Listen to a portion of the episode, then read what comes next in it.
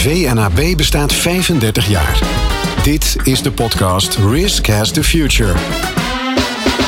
In deze podcastreeks delen we de rijke historie van de markt, kijken we naar de dag van vandaag en gaan we vooral in op de uitdagingen van morgen.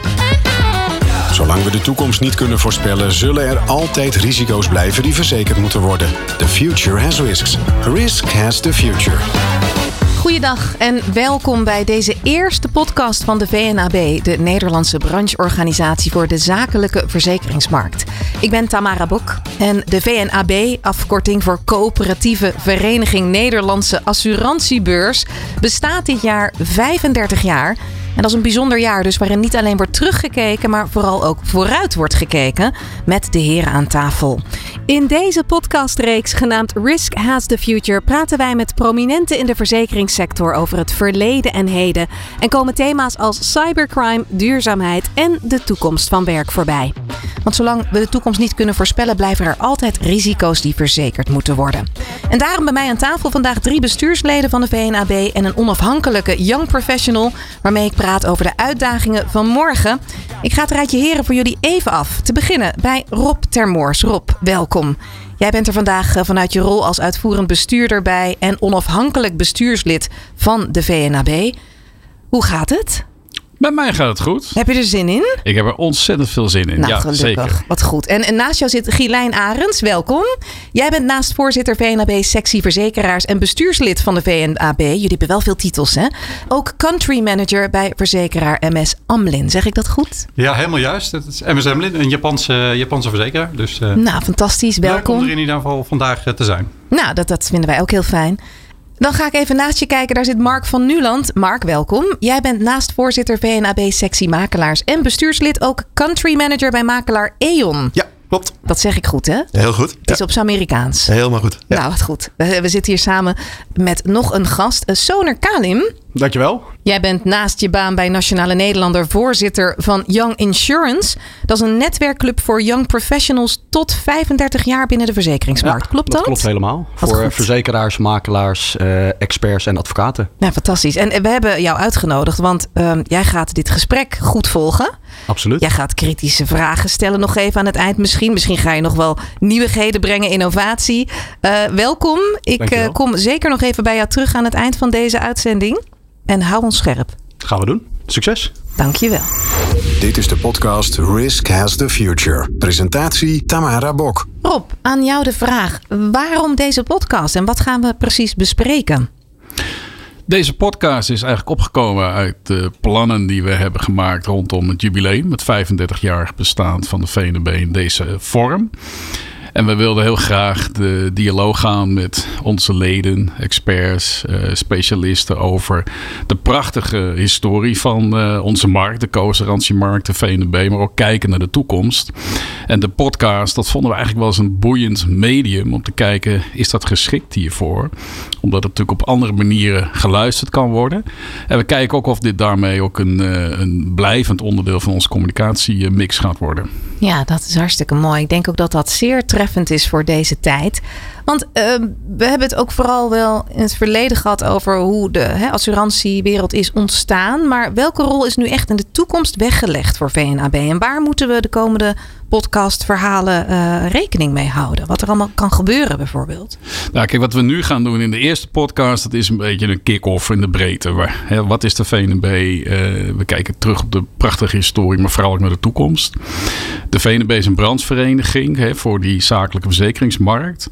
Maar VNB een boeiende organisatie. Want we zijn branchevereniging. We zijn ook IT-leverancier. We zijn een van de weinige brancheorganisaties die ook leveren.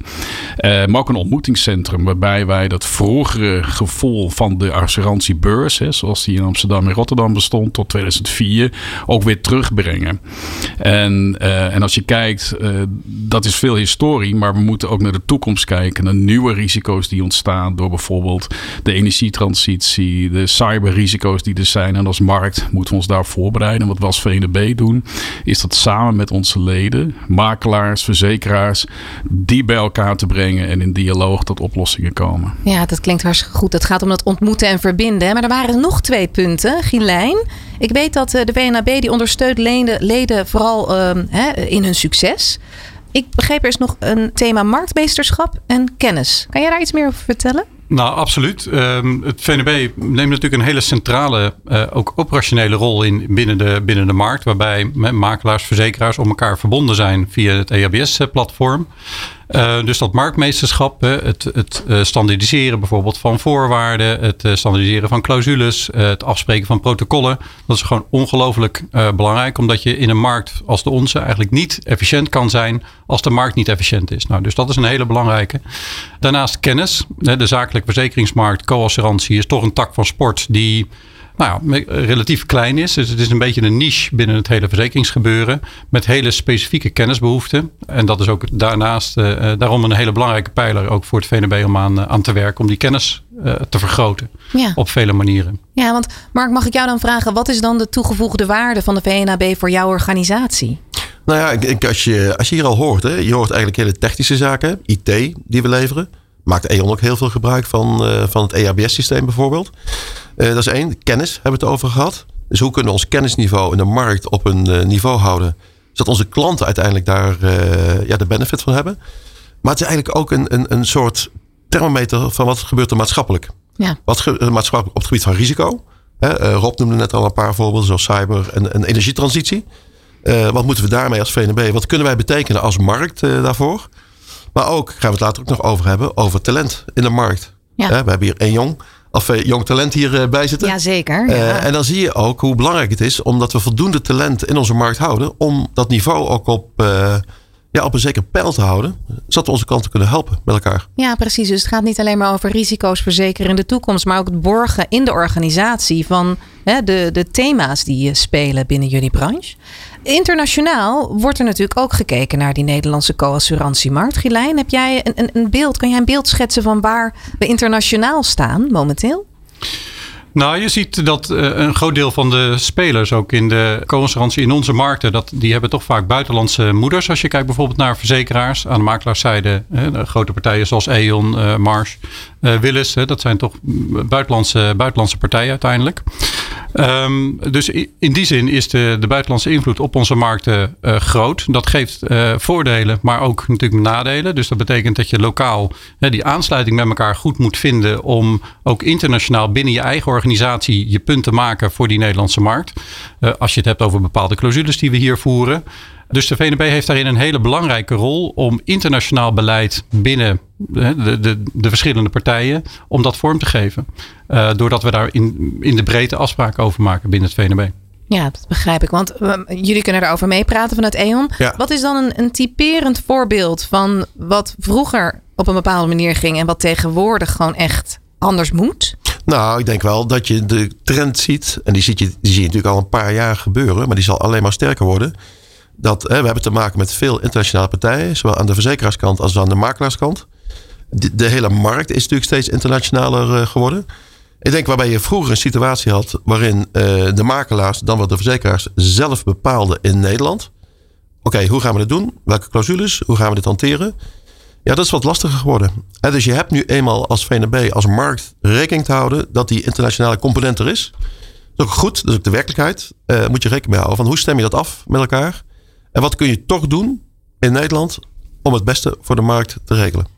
Ja, want Rob, dat is natuurlijk een van de uitdagingen waar we het eerder al een keer over hebben gehad. Is dit ook meteen de grootste uitdaging of zijn er nog andere vraagstukken of uitdagingen waar jullie je nu op richten?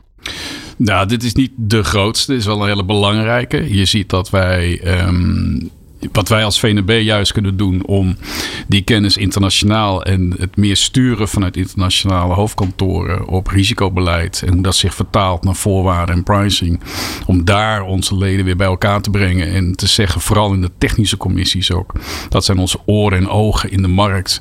Jongens, hoe vertalen wij dat naar beleid? Uh, ik denk dat een hele grote uitdaging is, die we ook later in de podcast gaan benoemen. Hoe houden wij en binden wij talent in onze markt. Ja. Dat is een hele belangrijke aan het worden. En het derde is hoe ga je eigenlijk om met nieuwe risico's die ontstaan, waar nog heel weinig risicodata over beschikbaar is. Want dat is natuurlijk de basis van onze risicomodellen. Om door te rekenen hoe hoog is de kans dat een risico zich voordoet. En dat prijzen we dan in.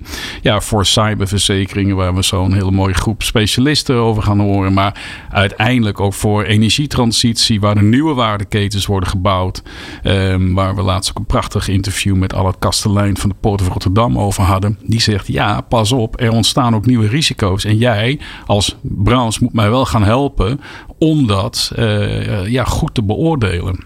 Is dat bij jullie, Gilijn, bij MS Emlin ook al levend? Zijn jullie hier op dagbasis al mee bezig? Nou, eigenlijk te weinig. Hè. Dus we zijn uiteraard natuurlijk ons absoluut bewust van de verantwoordelijkheid die ook op ons rust om die transitie mee te helpen uh, laten gebeuren. Ik denk waar wij als branche wel behoefte aan hebben, is concrete casussen hè, waar je op in kan haken en waar je een oplossing voor kan verzinnen. Dus nu gebeurt dat sporadisch. Maar ik denk, en ik denk dat ik voor meer partijen spreek, dat we meer nadrukkelijk op zoek moeten en het gesprek moeten aangaan met partijen, zoals uh, het Rotterdamse havenbedrijf, om te kijken joh, waar, waar liggen nou jullie uitdagingen en hoe kunnen we daar op aansluiting met de oplossingen die we kunnen bieden. Ja. Binnen het verbond lopen er, lopen er initiatieven. Dus we zijn daar zeker wel mee bezig, maar er mag nog echt wel een tandje, uh, een tandje bij de bewustwording is er absoluut. Dat wij als, als financiële sector daar ja, gewoon echt hier een, een stap in moeten gaan maken. Ja, want Mark, bij E.ON, jullie zijn daar heel actief mee bezig, hè? Ja, ja ik, ik, ik denk dat dit een, een factor is. Eigenlijk het scannen van de maatschappij. Wat gebeurt er? Praten we over klimaatrisico's? Praten we over cyberrisico's? Maar ook bijvoorbeeld supply chain risico's. Hè, die voor bedrijven in Nederland echt heel belangrijk aan het worden zijn. Ja, en ik denk dat we daar gewoon echt een stap moeten maken als VNB. Om in de Nederlandse markt en wat gewoon een fantastische oplossing is die we hebben als co-assurantiebeurs, zeg maar, voor, uh, voor de klanten. Dat we dat veel sneller moeten scannen, maar ook veel sneller met oplossingen moeten komen. Ja. Dat vind ik echt iets voor, voor de toekomst. Uh, als wij echt de waarde willen houden die we nu hebben voor onze klanten, zodat veel, veel sneller moeten doen en veel sneller. Uh, en ik denk dat we daar als VNB een, een, ja, met ons marktmechanisme een rol kunnen vervullen, faciliterend. Ja. Om dat te versnellen. Want nu, we hebben het gezien met de overstromingen in, uh, in Limburg. We lopen een beetje achter de feiten aan met de markt. En dat moeten we gewoon voor zijn. Ik zie Rob ook inderdaad intensief knikken. Ja, Mark heeft gelijk. Kijk, het unieke aan de VNB is dat het wereldwijd nergens zo is georganiseerd. Dus dat er en makelaars en verzekeraars in één brancheorganisatie zitten. Waarbij ook uh, voorwaarden, protocollen worden bepaald gezamenlijk. Hè, uh, als modelvoorwaarden. Uh, maar ook waarbij we systemen leveren. Eigenlijk wat je nog door moet ontwikkelen, omdat de ontwikkelingen in de markt veel sneller gaan, moeten wij sneller kunnen acteren. Nou, dat zien we bij de overstromingsschades in Limburg. Natuurlijk zijn we nu aan het kijken, ja, wat neem je mee als risico's en wat kun je dekken? Je ziet de pleidooi van Allard Kastelein van Port of Rotterdam, die zegt, ja jongens, de handreiking is er, hoe pak ik dat op?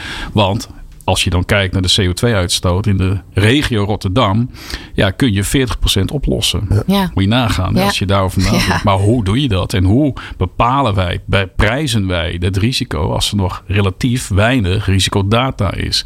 Nou, maar daar moet je met specialisten echt voor aan tafel gaan. En die handreiking eh, van, eh, van eh, de Port of Rotterdam, bijvoorbeeld hè, de casus waar Gilijn het over heeft, aanpakken om te zeggen, hoe doen we dat verdraaid dan? Hè? Nou, gaan dat we is ook dus? Die kennisoverdracht hè, waar jullie het ook over Ja. hebben. Het moment dat je die impactvolle in- ontmoeting hebt met de leden in de branche, Ja. dan leer je daar meer over. En heel actueel ook, hè, data. We gaan dat in een andere podcast ook nog bespreken. Ja. Data eh, en, en de kennis die je daaruit haalt. Als het jonge data is, heb je natuurlijk niet zoveel grond onder voeten. Ja. Dus ik was wel benieuwd voor jullie, Gilijn. Wat is dan op dit moment, als je kijkt naar ehm, nou, de, de, de risico's die vrijwel onverzekerbaar lijken. Mhm. Hoe lossen jullie dat dan nu op? Op het gebied van data en eh, de kennis die je daaruit haalt? Nou, het, het gaat er inderdaad om wat, wat eh, Rob ook aangeeft. Dat je die data probeert toch, wat je wel weet, dat in ieder geval zeker te weten. Dus dat je toch die, die inzichten probeert te verzamelen. En dat zo objectief mogelijk la- eh, probeert te laten zijn. Waarbij er een gezonde marge moet zitten op hetgeen je eigenlijk niet weet. Zodat je toch binnen dat, eh, dat scala aan mogelijkheden iets van een oplossing kan bieden. Je ziet wel dat met name rondom cyber en rondom het klimaat. Dat met name de maximale, eh, eh, ja, de maximale exposure die dat verzekeraars kan geven. ongelooflijk lastig te bepalen is. Dat partijen, ja, weet je, we hebben uiteindelijk natuurlijk wel een bedrijf hè, te runnen voor de lange termijn. Hè. Dat is, ook dat is in het belang van onze klanten. Dus is het soms lastig om de juiste oplossing te bieden op dat moment. Maar ik denk dat als wij daar, daarbij de handen ineens slaan, ook de overheid betrekken voor bepaalde risico's, dan moeten we daar echt stappen kunnen, stappen kunnen zetten. Sterker nog, we moeten daar stappen zetten. Ja, dat begrijp ik. Maar je, je, kunt het concreet maken. Uh, als je kijkt bijvoorbeeld wat je ziet bij energietransitie bijvoorbeeld. Hè, kunnen we echt aan bijdragen. Heeft heel vaak te maken met nieuwe technologie. Nieuwe technologie toepassen bij oude bedrijven. Olie, omzetten en waterstof. Dat soort toepassingen. Als je dan ziet, nieuwe technologie is vaak een beetje eng. Zowel voor banken om te financieren. Want het gaat natuurlijk om enorme investeringen die er uh, mee gemoeid zijn. En vervolgens ook voor verzekeraars lastig om hoe ga ik dit verzekeren? Want ik ken het niet. Ik heb geen data. Nou, maar als je daar uh, in stukjes hakt, de technologie op zichzelf bekijkt, de risicoanalyses doet, het mogelijk maakt dat je toch dan verzekerbaar maakt, omdat je het eigenlijk behapbaar maakt, ook voor verzekeraars. Vervolgens gaan de banken financieren. En dan heb je eigenlijk de keten heel mooi te pakken. Nieuwe technologie, risicoanalyse bekendmaken, verzekeren door uh, verzekeraars, ja. financieren door banken. En dan help je enorm mee om de klimaat ja, reductie uiteindelijk aan te pakken in Nederland bij elkaar. Maar Rob, dit is even een hele snelle samenvatting van inderdaad hè, alle pilaren die nog uh, moeten staan en die nog gemetseld moeten worden. Ben ik dan heel ja. kritisch? Nee, nee, dit, dit, is ook wel de stijl van de heer uh, Van Nieuwland en ook de heer Arends. Hoor. Daar, uh, zijn de snelle, dit zijn de snelle bestuursleden vaak hoor, met snelle, snelle samenvattingen. Maar Mark heeft wel gelijk. Ergens moet je die handreiking doen. En moet je ook gaan kijken naar de keten die nodig is. Kijk, er wordt best veel geldsubsidie uh, beschikbaar gesteld nu door de staat. Bijvoorbeeld CO2-opslag onder, onder de zee. nou ja, we zijn in Glasgow. Momenteel loopt dit gesprek simultaan op een iets ander niveau natuurlijk. Eens, ja. hè? Eens nou, door, ander niveau? Ja, ik vind dit wel. Ik vind dit een stuk concreter hoor dan uh, in Glasgow. We hebben de oplossing. Ik ga nu even bellen. Ja. Dus ik zou maar gaan bellen. Nee, maar ik denk dat dat wel belangrijk is. Maar je, wat je merkt is dat de kunst dan wordt om de juiste partijen bij elkaar te brengen en te houden. En te zeggen heel concreet, en of dat nou inderdaad de Port of Rotterdam uh, is, maar goed gezien hun, hun footprint, zou je haast zeggen van wel. Om dan maar eens te kijken, ja, wat kunnen we dan doen? En volgens mij zei Gilijn dat laatst nog, eigenlijk moet je dat vanuit een soort non-concurrentieel perspectief doen. Ja. Weet je? je moet dan gewoon zeggen, hoe ga je als branche nou. dit oplossen en helpen? Ja. Omdat we kunnen natuurlijk blijven staren, maar als wij al het kastelein niet in zijn transitie uh, gaan helpen, ja, dan wordt dat ingewikkeld. En is een prachtige casus om te laten zien hoe je met samenwerking veel kunt bereiken. Ja, want het is inderdaad dat samenwerken, het is die kennisoverdracht en dat marktmeesterschap binnen die, hè, met die, met die ICT-oplossingen, want het zijn wel oplossingen. Dat brengt me terug bij, uh, bij jullie slogan: The future has risks and risk has the future. Maar hoe gaat die toekomst er dus uitzien? En wat kunnen we dan nu doen om de risico's in de toekomst te blijven verzekeren? Jullie spelen daar een cruciale rol in. Is er nog iets dat. Ik zie Gelijn ook uh, knikken. Is er nog iets waarvan je zegt: dit moeten we nu aanpakken? Het is mooi voor een eerste podcast, hè? Maar even te schetsen van ja. waar moet het naartoe? Nou, kijk, ik denk die, die, die energietransitie, dat moet veel concreter. Hè, vanuit vanuit uh, uh, verzekeraars en, en eigenlijk vanuit VNB. Bijvoorbeeld in het verbond zijn we bezig om te kijken van nou, de, uh, wijken overzet op waterstof. Hoe faciliteer je dat nou als, als verzekeraars? Nou, dat zijn zaken die we, die we in de breedte meer moeten doen met elkaar. En ik denk wat daarbij een, een hele belangrijke wordt, die, die, die transitie kost geld. De risico's worden groter. Dus dat betekent ook dat we met elkaar de marge moeten vinden om nieuwe risico's in onze uh, voorwaarden op te nemen en om de mensen daarvoor te gaan beschermen. Dus dat betekent misschien iets meer marge nemen in uh, je premiestellingen om nieuwe zaken te kunnen, te kunnen verzekeren. Ja. Nou, dat is best wel, nou, weet je, dat is niet eenvoudig. Ja, misschien nog een daarop aanhakend uh, ander fenomeen, want we zitten nu over, de, over energietransitie. Maar je hebt bijvoorbeeld ook in Nederland heel veel high-tech, new-tech bedrijven, enorm veel. En die hebben best wel moeite om verzekerd te worden. Wat nou, is nieuw? Ja. Nieuwe technologie weer, weet je wel, is lastig. Dus daar ook het idee om het behapbaar te houden, ook voor verzekeraars, want die begrijpen natuurlijk wel wat die uh, Gilijn zegt. Is dat je zegt van oké, okay, we maken één grote faciliteit met elkaar. Een soort verzekeringsdekking. Hoeft allemaal niet mega te zijn. Maar we doen wel allemaal mee. Nou. En als je het dan met elkaar doet, dat is ook eigenlijk het principe en de basis waarom wij er zijn, co-assurantie, met elkaar. En je kunt die nieuwe vaak aansprakelijkheidsrisico's, die plaats je in zo'n faciliteit. We delen met elkaar het eventuele risico.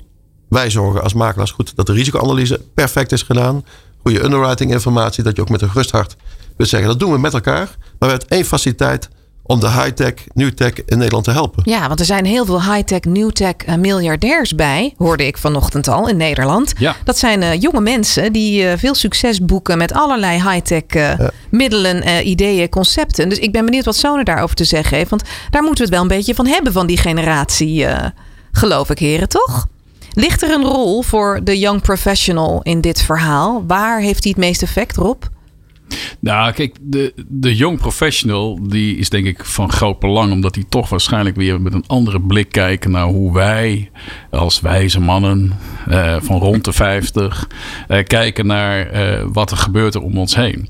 En zeker als je kijkt naar het, grotere belang van data. We zijn ook echt op zoek naar een samenwerking met partijen die ons daar weer een boost in kunnen geven. Zoals het bij, we werken heel veel samen met universiteiten, hogescholen, waarbij we met het Erasmus Center for Data Analytics uh, aan het stoeien zijn om te kijken hoe kunnen we een samenwerking krijgen waardoor wij onze leden weer een stap verder kunnen brengen in het gebruik van data. Je ziet dat young professionals daar anders naar kijken dan wij. Het is ontzettend van belang dat we zeker nadenken over nieuwe oplossingen gaan kijken ja, hoe trek je jonge mensen erbij. En wat Mark zegt over de nieuwe technologie. Ja, daar zie je dat de markt zo ongelooflijk snel gaat. Ook met energietransitie.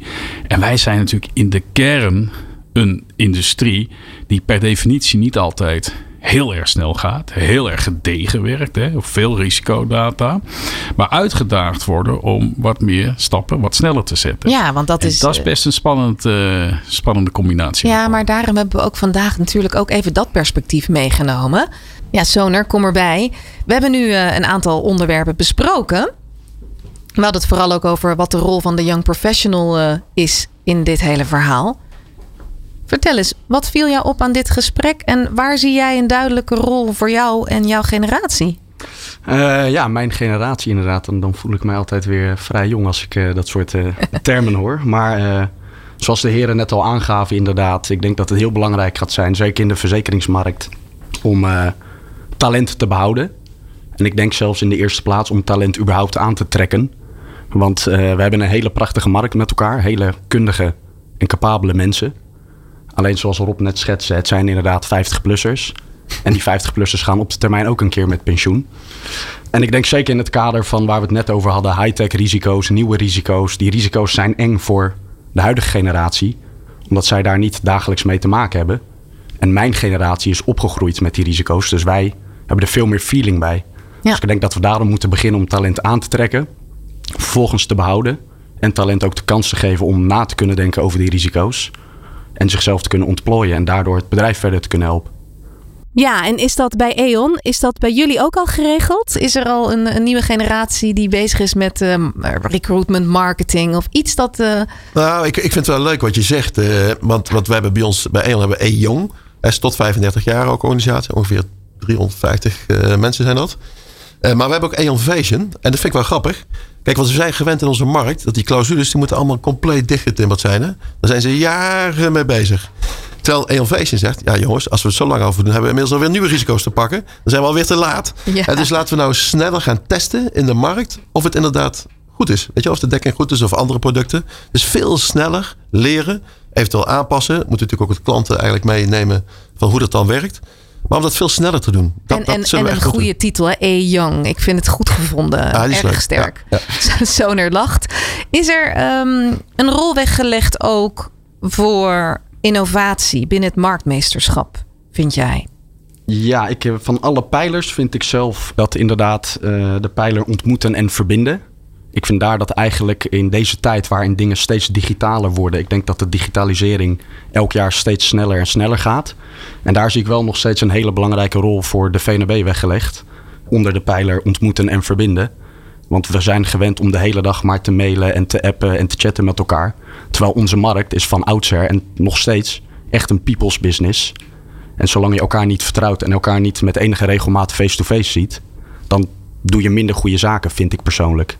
Wow. Dus daarom zie ik daar wel echt een hele belangrijke functie nu. En zeker in de toekomst uh, voor de VNB weggelegd. Ja, mooi. Wat leuk, want we hadden het net nog even in, de, in het voorgesprek hierover. Dat al sinds de 16e eeuw wordt verzekerd op dit niveau. Grote risicovolle verzekeringen. Ehm, nou, niet de verzekering, maar dus gewoon uh, plannen die gemaakt worden en uh, waar waarborg in wordt gegoten. Dankjewel. Uh, we komen zo nog even bij jou terug. Aan het eind van dit verhaal wil ik nog even wat weten van Rob. Rob, we horen net het verhaal van een young professional die met name de nadruk legt op die verbinding, het ontmoeten. 35 jaar, jullie branchevereniging. Wat voor positie heeft het ontmoeten op dit moment? En waar moet het dan naartoe? Want klaarblijkelijk moet er dus meer gesproken, meer vertrouwen komen, meer connectie komen. Hoe gaan jullie die verbinding leggen?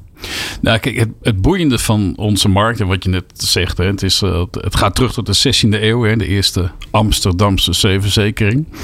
Die uh, is ontwikkeld in coöperantie. Uh, in, die, in dat kader zijn wij ook eigenlijk nog jonge, jonge mannen, hè, dus dat scheelt. Zeker, zeker. Maar ontmoeten en verbinden, en dan, en dan trek ik heel even de, de coronaperikelen daar, daarop weg. Hè. In dat centrum hebben wij in het meest normale jaar 2019 uiteindelijk zo'n 17.000 mensen ontmoet. Ontvangen in ons centrum in, in Rotterdam en de Boompjes.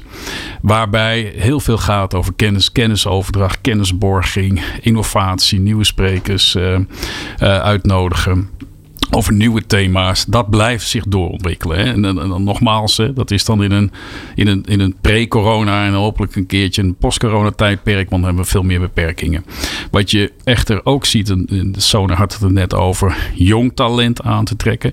We hebben een prachtig uh, traineeship ontwikkeld, het Risk Insurance Traineeship, waar dat is echt uniek uh, in Nederland. Er 17 organisaties meedoen die een uh, trainee ontvangen. zeven trainees zijn erop ingesteld gestart. Gaan vijf en een halve maand werken bij een makelaar. Vijf en een halve maand bij een verzekeraar. En dan nog een maand bij een expertisebureau. En daarna hè, zullen wij een soort van banenmarkt organiseren. En kunnen zij kiezen waarschijnlijk welke rol ze gaan pakken. Zeven echt hele talentvolle mensen. Dat is ook voor ons weer een boost, ook naar de markt toe. Om weer te kijken, kunnen wij nieuw talent aantrekken? Wat voor profielen zijn dat dan? En kunnen we ze ook letterlijk een plek geven en dan de toekomst ook wat uh, behouden, zeg maar, voor de markt. Ja. En ik denk dat dat heel erg belangrijk is. Dat soort initiatieven, net zoals we ook een, mentor-mentee eh, project hebben met Insurance. 33 koppels, jong en wat ouder, hè? wat grijzer, zegt men soms wijzer. Uh, bij elkaar brengen en die zien elkaar ook in negen maanden tijd heel frequent. Daar hebben we ook een heel ontwikkelprogramma om. Net zoals bij de trainees. Daar ook een heel ontwikkelingsprogramma omheen. En zo zijn we ook bezig met initiatieven om jong talent naar de markt toe te brengen. Los van de eigen initiatieven die de organisaties, de ledenorganisaties ook uitvoeren. Ja, want Gilijn, hoe, hoe zit dat bij jullie? Want ik hoor inderdaad hier een heel modern tijdsbeeld. Is dat? Dat is ook inderdaad hoe het in het bedrijfsleven gaat. En uh, op andere plekken. Hoe, hoe richten jullie dat in? Nou, wij, doen, eh, wij zijn partner ook in het, in het trainee traject. Eh, dus wij, ontvangen eh, begin volgend jaar onze, onze trainee. Los daarvan, wat wij nadrukkelijk proberen is om die verjonging ook te zoeken in onze, uh, onze workforce, in onze, in onze mensen. Waarbij we jonge mensen koppelen aan, aan ervaring van, van oudere mensen. En je ziet gewoon dat dat heel goed werkt. Dat wordt echt een soort vliegwiel. En wat ik altijd het mooie vind en wat mij ongelooflijk veel energie geeft aan het werken met jonge mensen, is die verwondering die ze brengen. Dus uh, ik denk een belangrijke functie ook uh, van jongeren is, is dat ze je een beetje uit balans brengen. Hè? Dus dat ze ter discussie stellen wat je nou eigenlijk de hele dag aan het doen bent. Nou, zeker in onze industrie. Hè, mailen. Hoorden we net. Ja, ja. 50 jaar ingesleten patronen, bij wijze van spreken. ja, dat, dat, nou goed, die jongeren die, die challengen dat echt. En die vragen zich echt af, joh, kan dit niet, kan dit niet anders? Nou, en dat, dat heeft gewoon ongelooflijk veel, ongelooflijk veel waarde. Ik denk wel dat we met z'n allen, dat het nog best wel een uitdaging is om die Um, um, om die jongeren, zou maar zeggen, daar inderdaad in, in mee te nemen en in op te leiden. Uh, want dat vraagt ook cultuur, hè, waarin we het leuk vinden om, uh, om jonge mensen op te leiden. Nou, daar, daar maken we uh, in ieder geval binnen, binnen MSM-lin uh, doen we daar heel veel aan en maken we daar mooie stappen in. Maar het is uiteindelijk iets wat je natuurlijk als industrie moet doen. En daarom zijn de, de initiatieven zoals Rob die ook beschrijft vanuit VNB ongelooflijk belangrijk. Want we moeten af hè, van het feit dat de coassurantiemarkt een markt is waar je soort als talent toevallig tegenaan loopt. Ja. Het is gewoon een van de allergaafste takken van sport binnen, binnen het verzekeringsgebeuren. Um, dus ja, dat, dat, weet je, iedereen die, die ooit met co-assurantie in aanraking komt, die, die blijft. En uh, nou goed, dat, dat evangelie uitdragen met elkaar. Ik denk dat dat uh, heel gaaf is. ons gelijk, we zijn er nog steeds. Ja, nee, zeker. zeker. Ja. Nou, je hebt het wel op een bepaald level van Champions League... waar je dan toch wel heel lang in uh, zit. En ik vraag ja. me dan af, 35 jaar, natuurlijk. Hè, sinds de 16e eeuw al assurantie als, als fenomeen Mhm. binnen de maatschappij, dan is 35 jaar relatief jong. Dus dat betekent dat je de komende 35 jaar, dat we hier met het 70-jarig jubileum, hè, dan nog zitten. Misschien met een wat jongere generatie. Misschien zijn wij dan wel weer hè, eh, met andere dingen bezig of zijn we eh, ergens anders. E- Even, samen, even samenvattend. We hebben het gehad over marktmeesterschap. ICT, IT. Want daar zit Mhm. de toekomst. Daar zitten de soners. In januari krijgen jullie ook een sonar. Misschien is het wel een dame. Ik heb geen idee. En Het is een dame, ja. Bij, Ja, het is een Maartje, dame. ja. Ah, wat goed, Maartje. Nou, welkom Maartje als je dit hoort. Eh, je bent al besproken in deze podcast. En eh, bij E.ON hebben jullie al specifiek een, een young afdeling. Betekent dat dat jullie niet een van de mensen gaan plaatsen die nu door de VNAB wordt Ja, eh, jawel, absoluut. We, we doen ook mee met het initiatief. Want ik vind het echt een fantastisch initiatief voor de markt. Het heeft ook echt uitstraling naar de leden. Eigenlijk heeft het ons ook getriggerd dat we hebben gezegd... we gaan volgend jaar 40 jonge mensen aannemen bij E.ON. Eh, omdat we dat gewoon eigenlijk best wel massaal moeten doen met elkaar. Ja. Eh, want wij zien ook, als je kijkt naar de gemiddelde leeftijd... eh, volgens mij hele markt, ik denk dat die gemiddeld 45, 46 zal zijn. Zoiets zal het zijn. Ja. Dus we moeten echt grote stappen nemen met elkaar. En dit initiatief van het VNB eh, heeft ons in ieder geval ook getriggerd. Oké, wij moeten daar eh, meedoen. Allemaal naar verhoudingen natuurlijk. Maar we moeten gewoon meedoen om dit voor elkaar te krijgen. Ja, nou wat mooi. Dat die intrinsieke motivatie, maar ook het aantrekken van jong talent. In combinatie met die geschiedenis en die kennis die ik hier aan tafel hoor. Want Rob, richt ik me toch even to- tot jou. Eh, oh, jij vertelde mij dat verhaal van die geschiedenis. Waar gaan we al bij het 70-jarige bestaan dan op terugkijken? Dat is eventjes eh, waar zeggen. Ik hou ervan. Wat betekent dat voor die zogenaamde stoffige assurantiewereld? Waar ik bij vandaag dus tot ontdekking kom dat het helemaal niet zo stoffig is. Wat gaat Sonar en zijn generatie binnen marktmeesterschap, binnen kennisoverdracht en binnen het ontmoeten nou echt voor impact hebben? Wat worden hun KPI's? Wat hun KPI's exact worden, dat vind ik lastig. Ik denk dat als je, het zou heel mooi zijn als je over 35 jaar terugkijkt naar een organisatie, de markt, die super alert is en heel snel kan bewegen op de ontwikkelingen die er om ons heen zijn. En goede, werkbare oplossingen heeft gevonden om partijen, bedrijven te helpen, industrieën te helpen met de energietransitie, de duurzaamheidsontwikkeling. Eh, dat cyberverzekering niet meer een groot grijs spook is waarvan we eigenlijk nog niet zo goed weten wat we daarmee moeten, moeten doen. En dat je dus een heel alerte organisatie bent. En dat sneller gaat met de ontwikkelingen van voorwaarden, protocollen, maar ook de acceptatie daarvan in de markt. Want we kunnen best wel eens protocollen maken, maar dat betekent niet altijd dat ze direct gevolgd worden.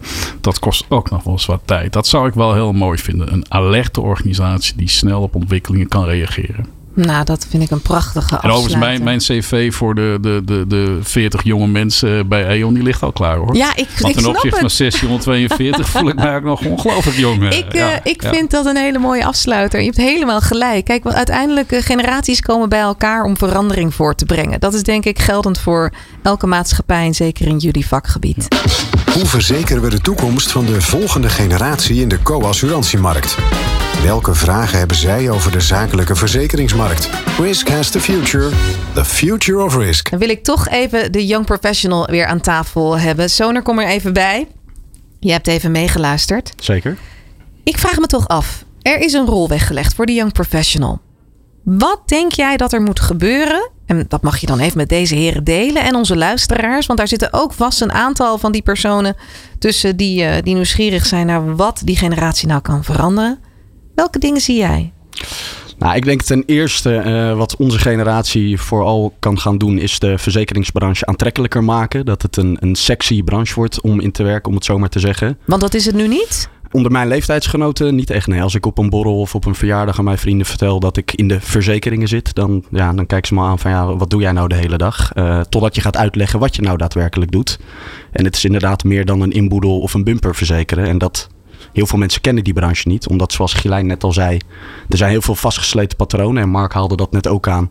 Mensen die beginnen in de branche gaan nooit meer weg. Maar Ja. ja, het is altijd een soort bubbel geweest. En naar buiten toe, het is niet bekend voor vreemde mensen van wat doen zij nou in die co-assurantiemarkt. Misschien ook een stukje bescheidenheid, een stukje vakmanschap waar men niet graag te koop loopt met, met wat men kan. Deels. Deels. Maar we hebben gewoon hele, hele kundige en capabele mensen die sommigen al 30, 40 jaar lang dit werk doen. En daardoor, het is altijd in de eigen co-assurantiebubbel gebleven. En ik wil eigenlijk dat mensen over 10 jaar in de rij staan om te zeggen: ik wil inderdaad of advocaat, of bankier, of verzekeraar worden. Maar er ligt dus ook een rol weggelegd voor iedereen die zich bezighoudt met het openen van die wereld, opleidingen, uh, een stukje PR, uh, je verhaal doen. Heb jij een droombeeld of een soort, soort, soort actieplan, strijdplan waarmee jij dat zelf zou kunnen oplossen? Praat je even namens een hele generatie hier? Ja, ik, ik, ik denk dat wij, dat wij als verzekeraars en als makelaars, uh, in ieder geval alle leden van de VNB, dat wij wat trotser mogen zijn op wat wij doen. Wat jij net aanhaalde, inderdaad, misschien die bescheidenheid. Maar wat wij doen is wel echt, wij, wij houden eigenlijk uh, ja, heel Nederland verzekerbaar. En een oude mentor van mij zei altijd, ik zit zelf in de transportverzekeringen. En die zei, zonder transport staat de wereld stil. En dat klinkt heel wollig. Alleen als wij bedrijven niet verzekeren, dan gaan mensen niet ondernemen en dan worden er ook geen risico's genomen. En dan is er ook geen innovatie. Ja. Dus ik zie echt een hele belangrijke rol voor ons als markt. Zolang wij bedrijven blijven verzekeren en risico's verzekerbaar houden, zal de maatschappij en de economie daar ook heel veel profijt van hebben. Nou, ik hoor toch hier een KPI voorbij komen waar we het net eventjes over hadden. Dat betekent dus dat de komende 35 jaar meer gewerkt moet worden aan nog meer aan het marktmeesterschap. Dat we de kennis ook moeten delen met externen, moeten laten zien hoe mooi deze beroepen zijn trots, hoor ik. Fantastisch. Trots is heel belangrijk. Want als je leuk vindt wat je doet en de waarde daarvan kent, dan sta je nooit meer met je bek vol tanden op een borrel. Hè? Op zondagmiddag. En dus die verbinding en die ontmoeting. Ik wil jullie allemaal heel hartelijk danken. En tot een volgende keer. En een hele fijne dag nog. Bedankt voor het luisteren naar de VNAB-podcast Risk Has the Future. Wil je reageren? Stuur dan een mail naar marketing.vnab.nl.